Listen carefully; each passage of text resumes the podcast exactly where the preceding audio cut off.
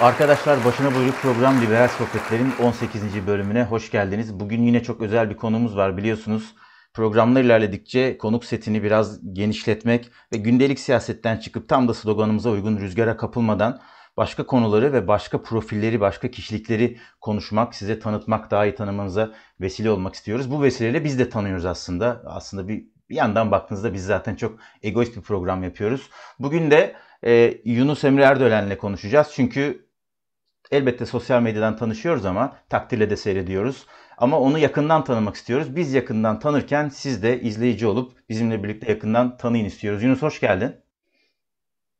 Hoş bulduk. Çok teşekkür ederim. Sizin programınızda konuk olmak benim için çok mutlu verici. Hep e, çok büyük mutlulukla izliyordum, dinliyordum. E, bu da güzel bir vesile oldu sizle tanışmak, e, programınızda konuk olmak. Süper. Çok teşekkürler. Biz öyle bir program yapalım istiyoruz ki. Dur Kürşat ya. Ben sana söz verecektim abi zaten. Kürşat'a da bir merhaba diyoruz arkadaşlar.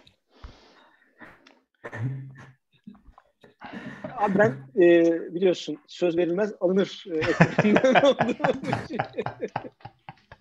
Peki ben şimdi zaten aslında gerçekten bir seyirci gibi kenara çekilip sohbeti izlemek, Yunus'u dinlemek istiyorum. E, kafalarda netleşmesi açısından şöyle bir şey söylemek istiyorum. Öyle bir program kaydedelim ki e, her birimiz bu programı 6 ay sonra, 1 sene sonra, 2 sene sonra açtığımızda hem belki bugünleri hatırlayalım. Bir yandan da belki yani Yunus'ta geri dönüp bakıp hani o zamanlar nasılmışım, nasıl ilerlemişim, nasıl gerilemişim nedir diye bir değerlendirme yapma şansı olur. Yani siyasete çok kapılmadan Yunus'un e, girişimleri, Yunus'un çalışkanlığı, Yunus'un yaptıkları üzerinden bir şeyler konuşalım. Yunus'un portresi çıkarken bizi seyreden genç kardeşlerimize de spesifik bir alanda özellikle de böyle zor bir alanda Türkiye gibi de kendi zorlukları olan bir ülkede nasıl ilerleniri e, anlatalım istiyorum. Şimdi söz sende Kürşat'cığım. Hakikaten dinleyeceğim ben. Yunus Yunus'cum hoş geldin. Ben olabildiğince konuklu programlarda az konuşmaya çalışıyorum. Ee, benim için zor farkındayım ama e, bu sefer de az konuşmaya çalışacağım. Öncelikle seni tebrik ederim. Yani e, Türkiye'de e, senle birlikte Kaan Kurtuluş ikiniz birden e, ikiniz de genç isimlersiniz ve Türkiye'nin en iyi iki Amerikan uzmanı sizsiniz. E, bu konuda seni tebrik ediyorum. Bir ikincisi tabii ki yani iyi bir eğitimin var, iyi bir geçmişin var ama yani Türkiye'deki tek Robert College'de çok tek iyi eğitimli insan sen değilsin. Ama onların içinden bunu yapabilmiş ilk insan sensin bence şu an gençlerin arasında ya da hepsinin arasında. Ve e, özellikle o Biden'ın meşhur röportajında aylar evvel yapmış olmam ve kimsenin arasında fark etmemiş olmasına rağmen e, onunla parladım. E, zannediyorum şu an yaşın itibariyle kızlarla biralamak yerine e, bir konuda uzmanlaşmayı seçmenin e, meyvelerini topluyorsun. Bence doğru yoldasın. Herkes katılır mı bilmiyorum.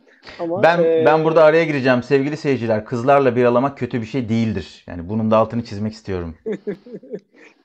Belki ben kız babasıyım de kızlarla bir yapamayın diyorum. Aa. Senin kişisel hikayen ne? Yani bu Amerikan uzmanlığının kökenine bize biraz anlatır mısın onu?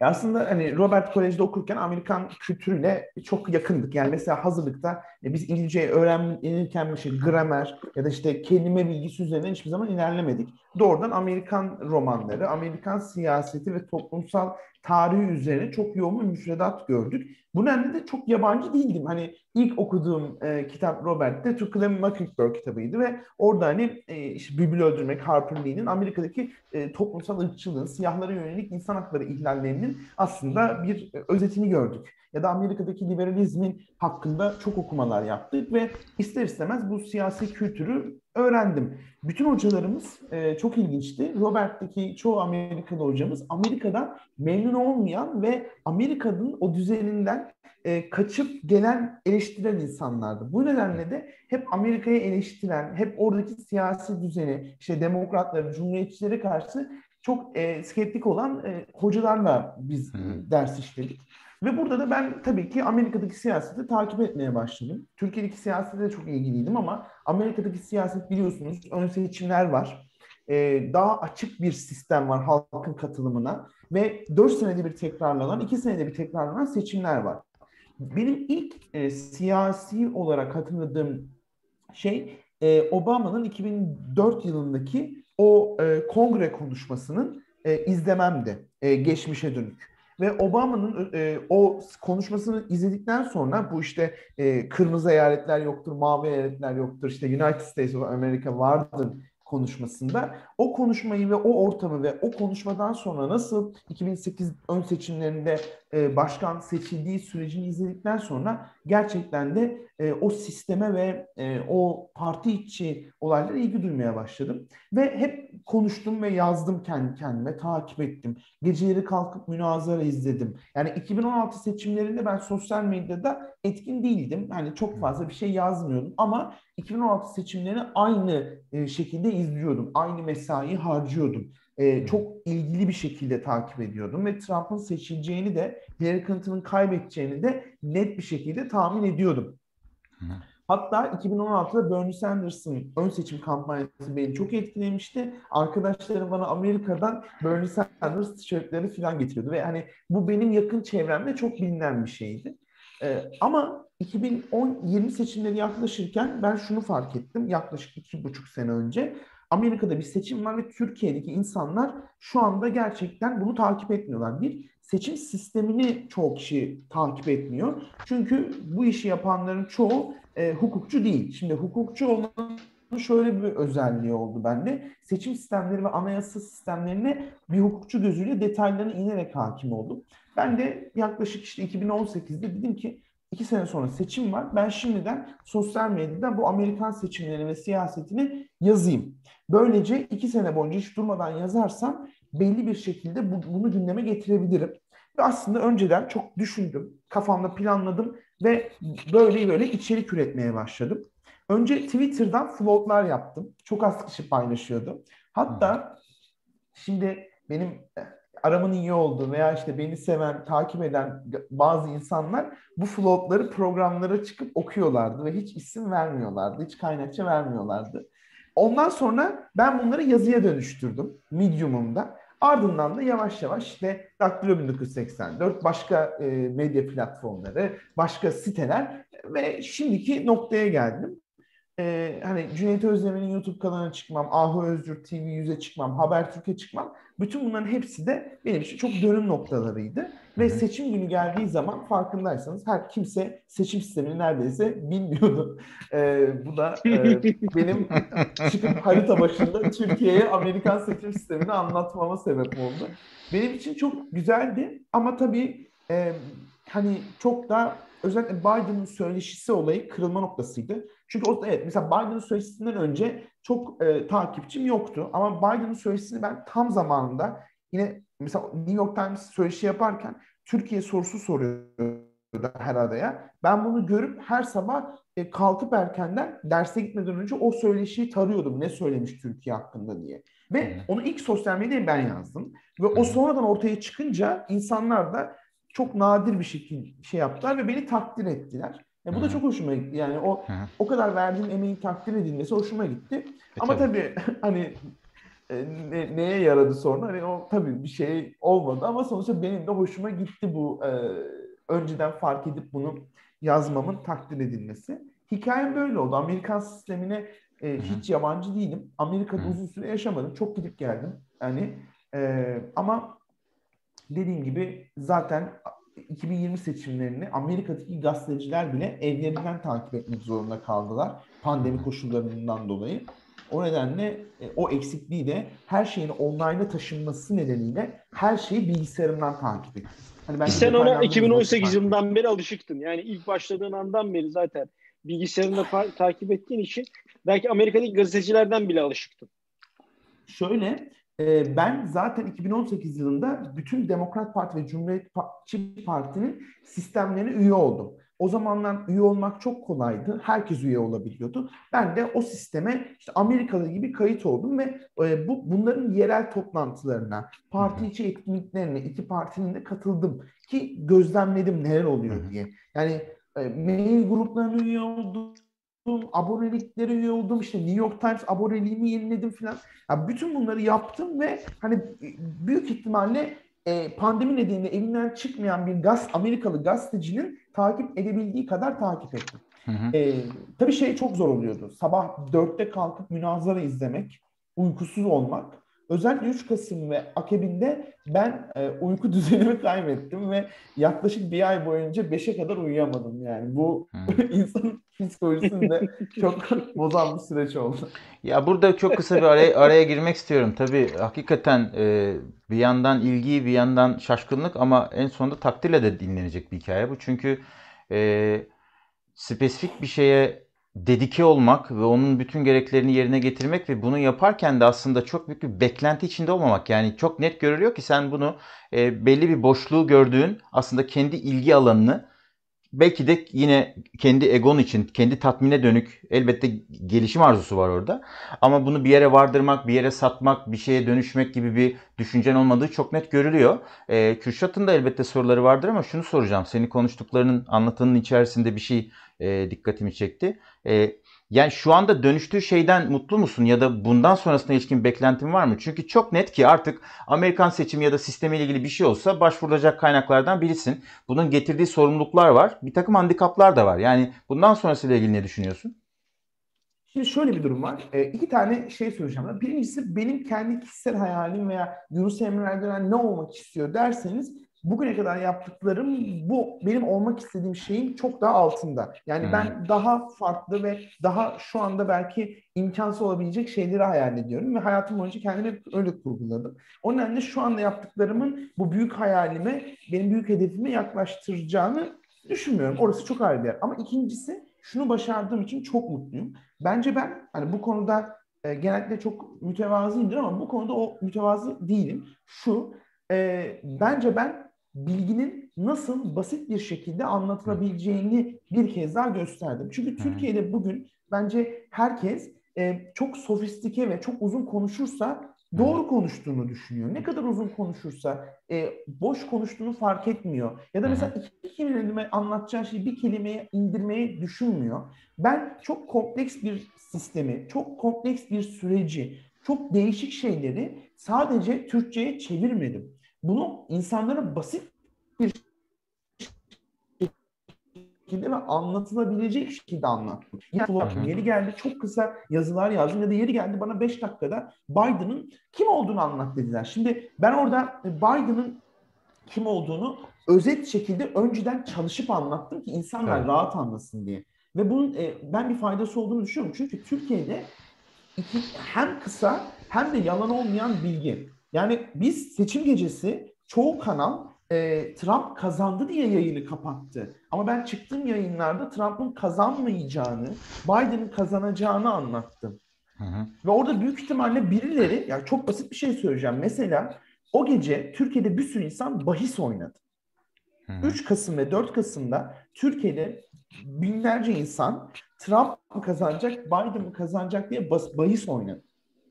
Ve o gün herhangi bir yanlış ve yalan bilgi bir sürü insana para kaybettirdi. Bakın bu çok net bir şey. Çünkü o gün bana binlerce insan DM atıyordu. Şimdi mesela çoğu kişi bu sorumluluğu düşünmeden bu kazandı bitti. İşte Trump burayı da aldı filan.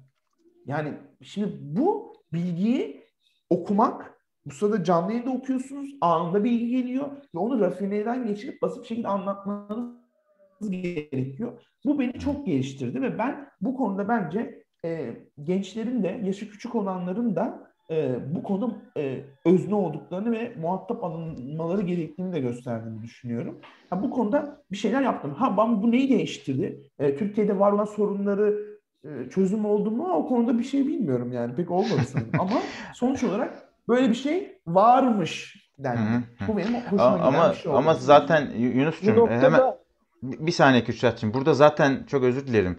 Ee, spesifik bir şeye ya da Türkiye'nin herhangi bir soruna çözüm beklentisi içinde olunan bir konu değil bu. Yani e, çok ayrıştırmak lazım ve senin bakış açısı olarak bunu çok net ayrıştırdığını ve söylediğin gibi rafine biçimde aktardığını çok net görüyoruz. Zaten esasen konuşulması gereken şey de bu. Yunus Emre Erdoğan özelinde. Yani konu değişebilir. Amerika değil Belçika seçim sistemi de konuşulabilirdi. Hatta belki muhtemelen senin bu hikayenden sonra e, bazı insanlar bu yöntemi ya da bu yaklaşımı benimseyip belki Ermenistan sistemini, belki Belçika'yı anlatmaya çalışacaklar. Seçimlerin yaklaştığı ülkeler var. Yapılıyor. Dolayısıyla ben, ben, ben mesela samimiyetle söyleyeyim yani Ermenistan e, se, yaklaşan seçimini e, senin gibi yapıp yapmamayı düşündüm. Sonra dedim ki çok mesai iş. Ben buna zaman ayıramam. Belki başkası yapar. Buyur Kürşat'cığım. Ya mesele biraz orada abi. Bak ben senin hikayende abi şu, birkaç konu var. Ben sadece kız meselesini düşündüm. E, ortalama e, ataerkil bir erkek olarak. Bir de uyku meselesi var. Yani e, uykundan o sıcak yatağından kalkma var. Hani Kur'an'da ayet vardır ya işte sabah o yatağından kalkanlara şey yapan. E, ibadetin en güzeli çalışmaktır. İbadetin en güzeli e, kendini bir şeye adayıp onun için kendinden bazı şeylerden vazgeçmektir. Ee, sen ondan vazgeçmişsin. Mesela senin kendindeki uyku meselesi. Ben. İkincisi uzun Feragat. vadeli stratejiler ve taktikler kurmuşsun. Yani 2018'deki de feragat. Aynen öyle. Sen hep serden geçtilikle yani gençler özellikle burada söylemek istediğim şey şu. Serden geçtilik çok kötü bir şey değil. Gencim abi şimdi geçeceğim de ne olacak değil. Gençken geçerseniz 30'lu yaşlarınıza geldiğinizde daha önde olacaksınız. 40'lı yaşlarınıza geldiğinizde o gap o kadar açılacak ki o makas. Birileri daha uyanacak arada. Siz de fark kapamaya başlayacak ama sizin o açtığınız makasla daha az koşacaksınız. Çünkü çünkü şu an koştuğunuz bir kilometre ilerideki 100 kilometreye bedel olabilecek yeri geldiğinde. Senin hikayende beni en çok etkileyen kısım bu feragat meselesi oldu. İkincisi uzun vadeli plan oldu. Üçüncüsü takdir beklemediler. Şimdi ben e, 38 yaşındayım. E, bazı genç arkadaşlarla çalışıyorum. Özellikle genç arkadaşlarda gördüğüm en büyük eksik hep takdir edilmek istiyorlar. Yani her yaptıkları doğru şeyde bir takdir bekliyorlar. E, ama e, takdir olmayınca da bir motive olmayı kaybediyorlar. Senin örneğinde yani benden aldılar, benim flow'umu okuttular ama bana referans vermediler. Şimdi ise bende program yapabiliyorlar, beni takdir ediyorlar ama o dönem onu yapmadılar. Hiç umursamıyorum dedi ya. Beni o kadar mutlu etti. Hmm. Benim mesela şöyle bir hikayem var. 3'e yeni kurduğumuz zaman Chatsimarkakis, Yorgo Chatsimarkakis, Chatsimarkakis Yunan asıllı bir e, MEP. E, Türkiye'ye geldi. 1 Mayıs resmi ilk defa izinli kutlanıyor. Muhteşem bir ortam var. E, küçük olaylar olmuş falan. Almanya'da daha büyük olaylar olmuş. 1 Mayıs'la ilgili bir açıklama yaptı. O açıklamanın metni birebir bizim Norman Vakfı'nda bir oturup küçük bir toplantımız olmuştu. Bir saat evvel yaptığımız toplantıda ben ne anlattıysam adam açıklamada onları söyledi. Birebir noktasına birbirine dokunmadan. Çünkü ben ona lokal bir sorstum, ona bilgi verdim. Mesela o kadar mutlu olmuştum ki bizimkiler şey diyordu, oğlum seninkileri söylediğini önemli olan o değil. MEP'nin ağzına bir şey söyleyebilecek bir bilgi aktarabiliyorum. Ben onu görmenin verdiği mutluluk. Burada en önemli şey, ben kızımın adını boşuna Ayşe Bilge koymadım. Ayşe annesi koydu, Bilge'yi ben koydum. Çünkü Bilgi diye bir isim yok. Mesela Sofya olsaydı e, kızı Türkçe'de tam karşılığı olsaydı Sofya koymak isterdim kızımın adını. Bilmek o kadar önemli ki ama bilmekten daha önemli bir şey var. Senin söylediğin çok önemli bir şey var. Ben bilgiyi doğru sundum dedim. Burada bilgiye ulaşmanın ne kadar kolay olduğunu söylemedin ama yani birebir bu cümleyi kurmadın ama şunu söyledin. Demokrat Parti'nin, Republican'ların, işte Cumhuriyetçilerin gittim her şeyine üye oldum. New York Times'a abone oldum. New York Times'a abone olmak ciddi bir yatırım. Yani onun evet. yerine bir Steam Steam'den oyun almayı tercih edebilirsiniz. Onun yerine 10 tane bira alabilirsin mesela. Aynen öyle. Yani bir kıza bira ısmarlayıp güzel bir gün geçirebilirsin ama e, bunu yapmamışsın. Özellikle gençlerin bunu şey yapması lazım ama bilgiye ulaşmak, bilgiyi işlemek, bilgiyi sunmak. Bu üçünü çok güzel yaptığını görüyorum. E, ikincisi e, mutlu musun sorusundan sonra e, Tarık'ın şey olmak istediğim şeyin Tarık çok daha lan? altındayım dedi. Şey, Tarık nereden çıktı ya? Ar, Ar, Arda. Tarık bizi andı. Seni seviyoruz Tarık. Çünkü kafamda şey var. Kafamda Tarık'la ilgili bir şey hatırladım da. Yani dedim Tarık da böyle yapıyor dedim. Olmak istediğim şeyin çok daha altındayım dedin ya abi. Muhteşem bir şey. Yani bu o kadar güzel bir şey ki. Gençlere bir diğer şeyim de bu. Yani kendiniz öyle hedefler koyun ki çok yukarıda olsun ya. Ben dünya başkanı olacağım diye. Dünyaya başkanlık sistemi getireceğim ve dünya başkanı olacağım. Asla olamayacak olsun. Sen yukarıya hedefle ama BM genel sekreteri olduğun zaman da muhteşem bir şeydir yani. E, o yüzden benim senin hikayende şu ana kadar anlattığın şey o. E, bir de Türkiye'de mütevazi olma abi. Ben çok özür dilerim Kürşat'cığım tam da buraya getirecektim abi. Ee, bu mütevazilik konusunda Yunus Emre'cim şunu söylemek isterim. Ee, bu programda e, egoistin piri iki insanla konuşuyorsun. Dolayısıyla hiçbir şekilde mütevazi olmana gerek yok abi ama ben burada ama, yani ama ama mütevaziyim demek de egoistik ve mütevazı olmamak değil midir zaten? Akıl, akıllı adamsın ve selam. Adam gol attı bize iyi mi? ben bir de bir de şey söyleyeceğim hocam bu çok kıymetli bir e, yer yere değindiniz. Bu güzel tespit ettin Kürşat. Bu takdir beklememe meselesi var ya bu benim yumuşak karnımdı. E, benim bununla değil olmam, bunu handle etmem epey zaman aldı. O orada da yine Yunus'un anlattığı bir şeye bağlayıp e, sonra devam edelim oradan istiyorum. Aslında yaptıklarının sonucu olarak başarıyı tattığında ve artık o çok netleştiğinde yaptığın işin başarısı e, takdir arzusu ortadan kalkıyor. Çünkü zaten çok net sonuçlar vermiş oluyor. Dolayısıyla Aynen sen bunu sen bunu çok erken e, deneyimlemişsin. E, hakikaten programın başında da söyledim fiziksel olarak tanışıklığımız yok ama hani tanış arkadaşlık iç, ilişkisi içinde olduğumuzu hissediyorum. Dolayısıyla çok seviniyorum senin adına ve çok da takdir ediyorum. Tekrar tekrar vallahi sağ olasın, var olasın. Yani mutlu mutlu hissediyorum böyle figürler etrafımızda olduğu ve aynı zamanda aynı dili paylaşarak e, konuşabildiğimiz için. E, Kürşat'cığım ben şimdi birazcık akışı değiştireyim istiyorum. Sana bırakmıştım sözü ama birkaç tane gelen soru var Discord'dan, DM'lerden vesaire. İstersen onları soralım. Çünkü çok aşmak istemiyoruz 45 soralım. dakikayı. Onları soralım. E, onlar içinden... 20 dakika oldu, 21 dakika oldu. Evet 20-22 dakika olmuş. Sonra da serbest stil devam ederiz ki senin eminim 800 tane soru vardır şu anda zihninde. Ee, şöyle bir soru var Yunus'cum. Kendisinin Amerikan liberalizmi hakkındaki düşünceleri ne yönde yaşayıp gören birisi olarak? Ee, istersen hepsini tek tek sorayım mı yoksa bir soru bir cevap mı yapalım? Öyle yapalım hadi daha pratik olur. Ya kısa kısa cevaplayabilirim yani. yani. Amerikan liberalizmi derken Türkiye'deki Amerikan liberalizmi ile oradaki Amerikan liberalizmi çok ayrı olarak algılanıyor. Ya Türkiye'deki algılanan Amerikan liberalizmi ile benim hani pek bir alakam o insanların ne düşündüğüyle de pek şeyim yok ama Amerika'da liberalizm birazcık daha bu e, belli hakların e, korunması işte muhafazakarlığa karşı liberal olmak bir ilericilik yani progresif olarak algılanıyor. Ben hani oradaki e, hak e, yani liberalizm tartışması hukukun da içinde olan bir tartışma. Ama oradaki yüksek mahkemenin içine de giren bir tartışma. Ben birazcık bu minvalde bakıyorum ve bu alanda birazcık e, düşünüyorum, çalışıyorum. Ama Amerika'da kapitalist sistemin sorgulanması ve özellikle e, birazcık daha sol isimlerin ön plana çıkması farklı arayışları da getiriyor. Ama beni en çok heyecanlandıran şey Rawls gibi e, birazcık daha sosyal liberal insanların fikirlerinin özellikle bu dönemlerde daha çok konuşulması. Hatta Biden ve Demokrat Parti'nin Sanders ve sol kanada bir tık alternatif olarak bu sosyal liberalizmi ön plana çıkarması bu beni heyecanlandırıyor. Düşünce Hı. açısından ve olayları takip etme açısından. Peki teşekkür ederim abi. Son derece de net e, açık bir cevap verdin. Neden Biden'ı destekliyor diye soru var. Bunun cevabı çok kısa herhalde. Biden'ı desteklemiyorum ama şöyle bir durum var. E, Trump'ı e, çok Trump'ı sevmiyorum. Trump Trump Türkiye'deki Trump'ı seven sevenleri de anlayamıyorum. E, hatta Trump'ı Türkiye'de sevenlerle büyük bir mücadele veriyorum her gün sosyal medyada ama Biden'ı sevmiyorum. Ha Amerikan ön seçiminde oy hakkım olsaydı Cumhuriyetçi Parti'de e, ön seçimde şeye verirdim. Aa, adamın adını unuttum. E, Ohio e, yani 2016'da e, eski Ohio vadisine oy verirdim. Adamın adını unuttum şimdi. Ben Çok de hatırlamıyorum. Hat, üçümüz de, hat, e, demokrat... üçü, üçümüz de hatırlayamadık. Üçümüz de reziliz şu anda. E, evet yani e, 2016 yani şeyde de demokrat ön seçiminde de hani e, bir sürü Biden dışındaki çoğu adayı beğenmiştim.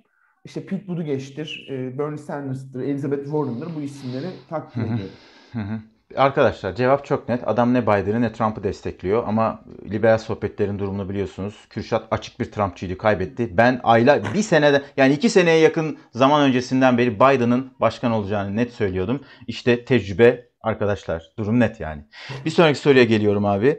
Trump'ın kendi... Temenniydi ya. Benimki temenni. Ya bırak ağladın akşam kimseye söylemiyoruz.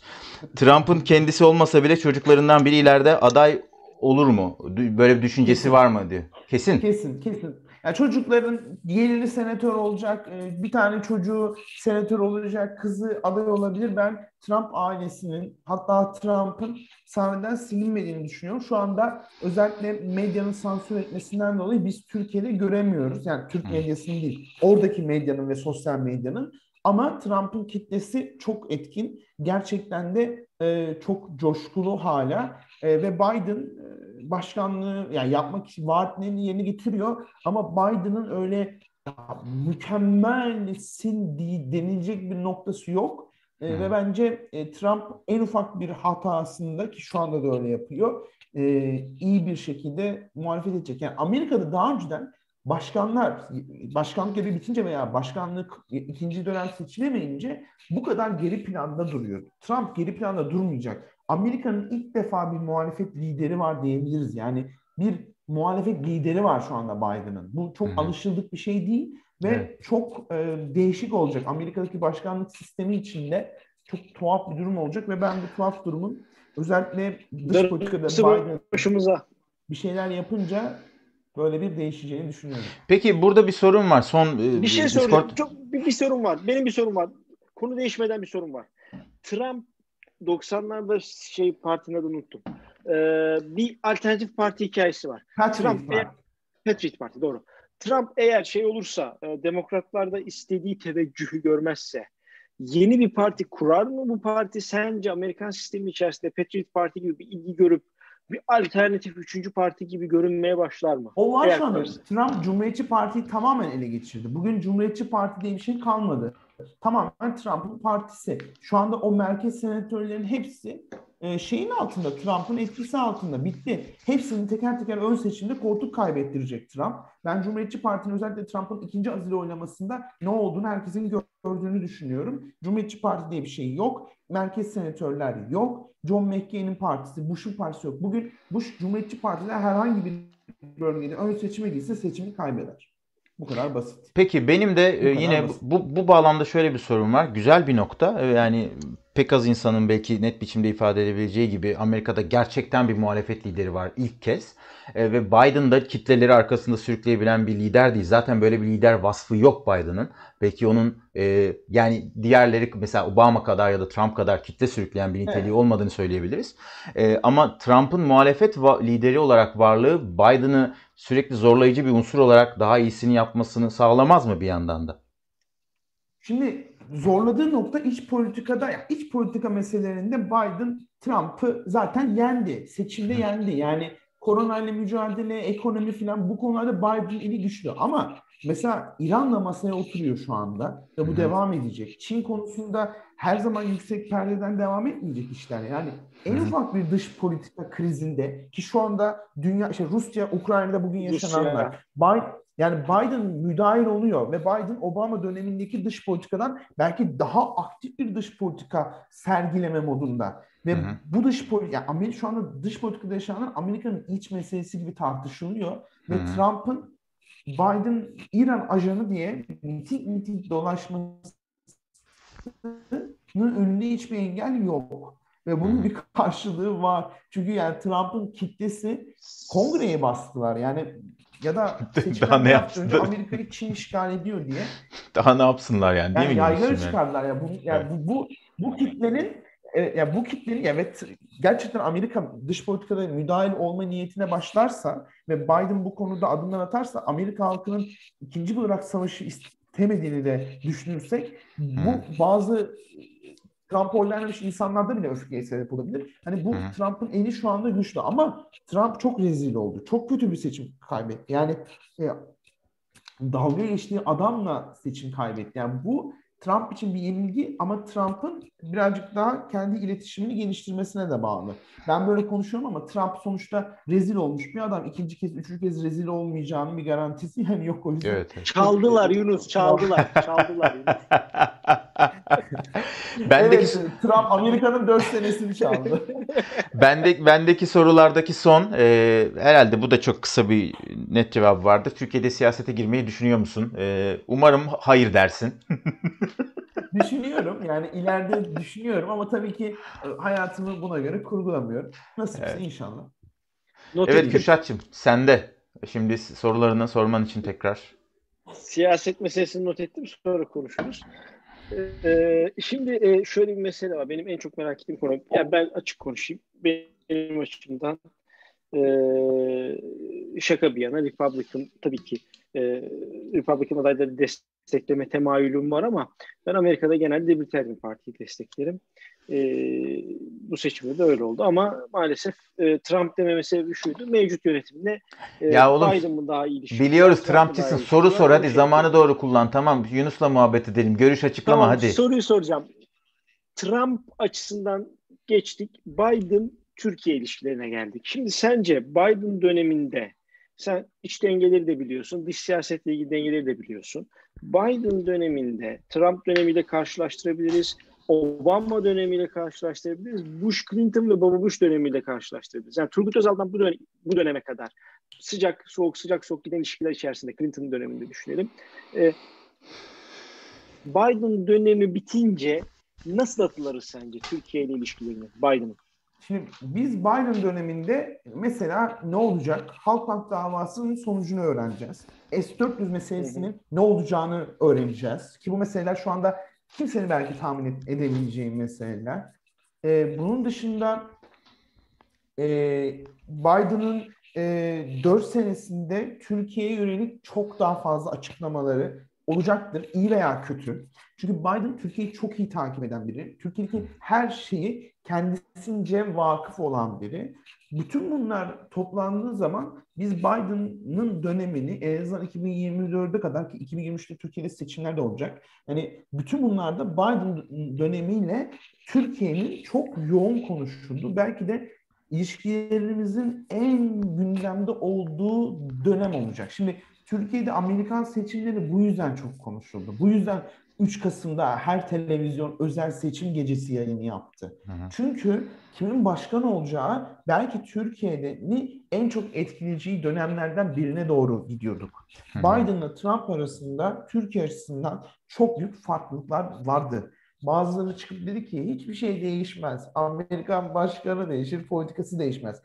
Türkiye'yi geçiyorum. Belki Türkiye özelinde farklı ama Amerikan başkanı değişti. İran'ın masaya oturdu Amerika. Bu Türkiye'yi etkilemiyor mu şu anda? Yani bu ne yorumların hepsi tamamen çöpe gitti. Amerika ile Rusya'nın ilişkileri birden değişti. Amerikan başkanı Rusya başkanına katil, katil dedi. dedi. Yani daha şu anda geri adım atar mı? Sence geri adım atar mı? Hayır. Yani şu anda çok daha kötüye gidiyor ilişkiler. Ukrayna'daki Donbas'ta yaşanan gerilimler, Rusya'nın agresyonunu arttırması, e, Amerika'nın bu konuda çok net oldu. Büyük ihtimalle haftaya ya da iki hafta içerisinde çok ağır yaptırımlar açıklanacak. Şimdi bunlar çok e, değişken şeyler. Yani Amerika ile Rusya'nın ilişkilerinin çok hızlı bir şekilde gerilmesi e, ki tahmin edilenden daha hızlı gerildi. Yani bunlar çok etkileyen şeyler. Bu yüzden de büyük ihtimalle Türkiye ile Amerikan ilişkilerinin en çok gündeme geldiği, en çok konuşulduğu bir dönem olacak.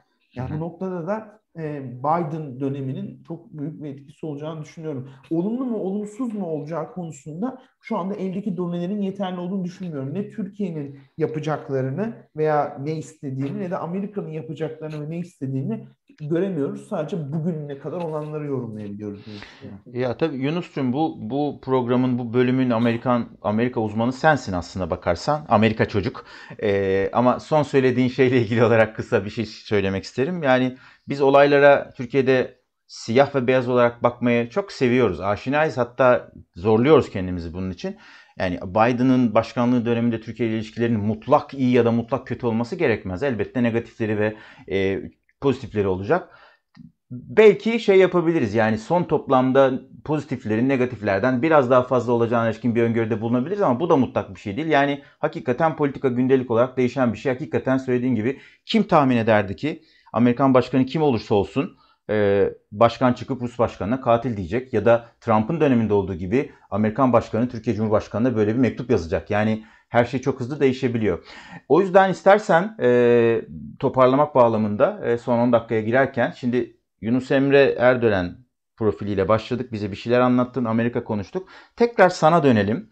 Ee, hani ne yapmayı planlıyorsun, neler olacak ya da belki Kürşat'ın soruları vardı ama ben bir şey anlatmanı rica edeceğim. Çok güzel bir anı Twitter'da hatırlıyorum. Ee, seçim öncesi ya da hemen akabinde olabilir. Bu başta söyledin ya e, mail gruplarına, e, top, online toplantılara falan katılırken bir gün yakalanmışsın. Türkiye'de olduğunu anlaşılmak üzereymiş. O çok sevimli bir hikaye. Onu bir anlatsana. Ya ben işte bu toplantılara katılıyordum. Neler konuşuyorlar diye. Genellikle boş oluyordu ama ben giriyordum. Çünkü bazen mesela diyor ki sandık güvenliği eğitimi veriyorlar Amerika'da. Ben de katılıyordum hani e, ne konuşuyorlar, nasıl o sandık güvenliği sağlanacak diye. Bir gün e, Üsküdar motorundan katıldım. İşte okula gidiyordum. Arkamda e, Boğaz var. bir tane kad- e, kameramı da açtım yanlışlıkla normalde kapatıyordum. Bir tane kadın işte orada geyik laf attı. Neredesin? Çok güzel falan dedim. Burası Kaliforniya dedi. Da dedi ki o katıldığım yer de yani Minnesota falan da yani Minnesota'nın Demokrat Parti yerel örgütü. Kadın da dedi ki yani e, sen e, ne güzelmiş Kaliforniya ben hiç gitmedim diye bir sevindi. İlk kez deniz gördüm falan böyle böyle şeyler dedi. Ben de bir gün bekleriz falan çok güzeldir buralar falan dedi. Arkamda kız kulesi falan gözüküyor. Ya bu çok güzel bir hikaye ya. Yani hakikaten yani bir gün kitap yazarsan yazacağın bir hikaye bu gerçekten. Gerçekten çok keyifliydi yani. Kaliforniya çok bozdu falan. Kürşatçım var mı? Kaliforniya'da Ee, ezan. oo, bu program en çok zaten Kürşat bir ilahi modunda bir şey yaptı. Bir iki tane de ayet sure okudu. Herhalde en çok seyredilen programımız olacaktır bu yani. Amerika ve İslam başlıklı programımıza hoş geldiniz. Evet Kürşatçım bir, senden bir iki soru alıp bitirelim yavaş yavaş. Benim tabii şeyle ilgili yani Türkiye Amerika ilişki konuştuk, şey konuştuk. Benim özellikle Amerikan sisteminde en sevdiğim şey, daha doğrusu genel olarak herhangi bir sistemde en sevdiğim şey ben yerelci bir insanım. Yani kuvvetin e, şeyin yetkin olabildiğince yerelde olmasından yana bir insanım. Amerika'da tabii eyalet versus federal hikayesi var ya, states versus federal. Sen bize biraz onu Türkiye'de e, arkadaşların anlayacağı bir şekilde e, yerel yönetimle ilgili şu an Türkiye'de de gündem bazı şeyler var. Onlara çok girmeyeceğim. Sadece şunu anlamalarını istiyorum insanların. O bilinci anlamalarını istiyorum. E, neler Amerika'da yereldedir, neler federaldedir, ne fark ettirir? Yani bizim belki bugün bazı şeylerin merkezde olmasını çok yatsıdığımız bazı konular Amerikan sistemine baktığımız zaman e, senin de anlattığın gibi bir Amerikalı için yerelde olması çok gerekli bir konu. E, onları biraz bize anlatır mısın? Yani otoyollarda dahil olmak üzere. Böyle, yani senin ilgin ilk anladığın, ilk duyduğun, ilk sistemi tanıdığın zaman sana, sana değişik gelen, sonra şimdi çok yatsıdığın, çok şey yaptığın bir şey olabilir ama e, sonraları daha benimsediğim bir şey olabilir ama bize biraz yerelle merkez arasındaki Amerikan sistemindeki farkları biraz anlatır mısın? Türkiye de karşılaştırarak. Şimdi e, Amerika'da her bir eyalet bir ülke. Yani her bir eyaletin bir anayasası, bir anayasa mahkemesi, bir senatosu, bir eyalet meclisi var ve her bir eyalet ayrı bir ülke. Seçimlere kendi karar veriyor, seçim sistemine orada neler işliyor, nasıl bir süreç var, eğitim sistemi, sağlık sistemi, oradaki süreç bunların hepsini kendi şekilde regüle ediyor. Eyaletler arası ilişkiler, işte eyaletler arası ulaşım, eyaletler arası ticaret, işte dış güvenlik e, veya işte genel federal vergiler gibi konularda merkezi hükümet DC devreye giriyor. Ama burada şöyle bir durum var. Yavaş yavaş özellikle bütün o eyaletler arasındaki etkileşim arttıkça Amerika'da da federalizm tartışmaları başladı ve eyaletlerin birbiriyle ne kadar e, den ayrı kalabildikleri konuşuldu. Mesela en basitinden e, her eyaletin e, mesela örnek veriyorum bir aracın ne kadar karbon sal- salacağı, işte o aracın karbon salınımı meselesi her eyaletin kendi düzenlediği kuralla yapılıyor değil mi? Ama mesela Kaliforniya'nın koyduğu kural en çok araba ve en çok satış Kaliforniya'da olduğu için şirketler kendisini Kaliforniya'ya göre ayarlıyor ve o noktada Arkansas'ın aldığı karar önemli olmuyor. Yani bunun önünde de büyük bir engel olmuyor. Buna yatay federalizm tartışması diyorlar hatta. Yani şimdi bu olduğu için o federalizmin bizim bildiğimiz klasik federalizm giderek e, değişmeye başlıyor. İkincisi şu, bu Covid zamanında federalizmine çok ciddi eleştiriler geldi. Özellikle Covid'in gerçek olduğunu inanan kesim tarafından. Cumhuriyetçi valilerin önlemlerde gecikmesi çok büyük tartışmalar yarattı. Maskeleri salın, her şey bitti demeleri falan. Yani bu noktada e, ya da mesela bu e, şey e, federal devletin yeterince etkin olamaması Covid'de bazı insanlara bu sistemi sorgulatmaya şevk etti. Ama bazıları diyor ki hayır Covid döneminde alan bazına yerelde özel e, önlemler alınması bizim için iyi oldu deniyor. Hmm. Ya bu tartışmaların devamı gelecek ama şu anda bu federalizm konusunda e, ciddi bir tartışma var ama bu sistemin değişmesi imkansız. Anayasanın değişmesi gerekiyor. Anayasanın değişmesi için de küçük eyaletlerin e, buna onay vermesi gerekiyor. Bu gayet imkansız. Bu sistemi ama daha efektif hale getirmenin yollarına bakıldığını ama bir de şunu unutmamak lazım. Eskiden federalizm e, cumhuriyetçileri savunduğu ve genellikle muhafazakarların çok önem verdiği eyalet hakları bir şeydi. Çünkü e, ne vardı? Federal hükümetin e, eyaletlere ilerici işte bazı mevzularda işte bunu yap diye telkinleri vardı. Ama Trump döneminde özellikle göçmenler konusunda filan e, demokratlar da federalizmin e, meyvesini yedi. Ve dediler ki federalizm bizim Trump gibi biri başkan olursa bizim sığınabileceğimiz de bir alanmış dediler. Ve bu nedenle de e, gayet şey oldu. Demokratların da yavaş yavaş sahip olmaya başladığı bir yere dönüştü. Çok güzel. Teşekkürler. Peki, çok güzel. Çok, çok, olacak. çok güzel özetledin Yunus. Evet. Vaktimize bir bakayım. Vaktimize bitmek- bakayım. bitmek üzere. Son bir şey soracağım. Beni mesela ilk çok iyi olduğum şey şu olmuştu. Bir, polisin seçiliyor olması, polis müdürünün seçiliyor olması. Yani seçilmiş bir, biri tarafından polis müdürünün atanıyor olması falan. O çok değişik gelmişti. Merkezi polis teşkilatının olmaması. Yani olan işte FBI'da, CIA'da falan işte, işte gerçi şey, CIA'da işte FBI'nin e, işte varlığı, lanet olsun federaller. Ondan sonra bir de e, yine e, savcının seçilmesi e, meselesi. Mesela bunlar benim çok enteresan gelmişti. Özellikle savcının seçiliyor olması muhteşem geliyor bana Amerikan sisteminde. Çok hoşuma gidiyor. E, bu gibi şeyler fark etmişti. Peki son bir sorum olacak. Kendine koyduğun o ulvi hedef ne? Yani onu şimdi burada çok paylaşmayayım. Ama sonuç olarak ben hani yapabildiklerimin en maksimumunu yapıp hani gerçekten de e, en ötede ne varsa oraya gitmek isteyen biriyim. O nedenle de Süper. en ötede ne varsa orası yani. Hani o Tamam, burada- pek, buradan- e, şimdi, şimdi böyle söylesem çok dalga geçer millet yani. Yok, o yüzden yani- hiç e, şey yapmaya Bir şey diyeyim mi? Ee, neyse bir şey demeyeyim. Kayıttayız. Ya ben naçizane e, yani burada birbirimize ders öğüt verecek durumda değiliz. Arkadaşça sohbet edebiliyoruz ama bizatihi de dalga geçsinler. Yani hakikaten hedefi şeye koymak yani kutup yıldızına koymak bence son, son derece rasyonel bir şey. Yani burada Che Guevara güzellemesi yapmak istemiyorum da güzel lafları da. Gerçekçi ol imkansızı istediyor. Hakikaten çünkü o seni çıkabileceğin yere kadar götürüyor. E, toparlayalım istiyorum çünkü E, ben Yunus'un de da zamanı Hazreti sınırlı. Ali'den bir şey söyleyeyim. Ben de Hazreti Ali'den bir şey söyleyeyim. Ee, gene böyle dini şey. Bu Sünnileri mutlu ettik, Şiileri de mutlu edelim. Ee, oku diyor en yükseğe hedefle Hı hı. aşağıyı vurursan mutlu olursun. Yani olabildiğince yüksek yere oku vur ki at ki yani daha altını bile vursan o yine yüksekte olacak diyor yani. O, o yüzden e, cevabın çok güzel bir cevap. Olabilecek en yüksek yer zaten Hı hı. az çok fikir veriyor. Evet Eline- arkadaşlar. Ee, sağlık. Bugün e, Kürşat'ın Papyonlu Kürşat Hoca Hazretleri lakabını hak etmeye çalıştığı dolu dolu Amerika ve İslam isimli bir liberal sohbetler çektik. İşin geyiği bir yana e, Yunus'cum çok teşekkür ediyoruz hakikaten. E, yani seninle sohbet çok keyifli.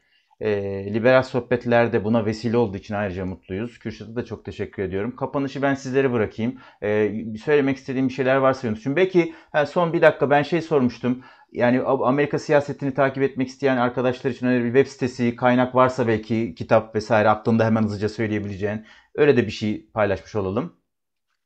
Valla Amerikan sistemini takip etmek için bu Axios'un ya da işte böyle e, e, New York Times'ın, Bloomberg'in falan böyle ücretsiz mail abonelikleri oluyor. Onlara mail olup her sabah o, o neler olduğuna bir bakmak güzel olabiliyor. Axios'u kesinlikle öneririm. Tamamdır. Eyvallah. Kürşat'cığım var mı son sözlerin 30 saniyede mümkünse eğer? Kısaca ben Yunus'a çok teşekkür ederim. Muhteşem bir program oldu. Yunus'u e, daha iyi tanıdık. E, Birçok e, ibret alınacak hikaye dinledik. e, umulur, umulur ki umulur ki ibret alırsınız gençler. Evet arkadaşlar, liberal sohbetlerin en feyiz dolu, en ulvi, en kutsal, en huzura doğru versiyonu dediniz. Bir sonraki bölümde görüşmek üzere. Hepinize eyvallah. Hoşçakalın.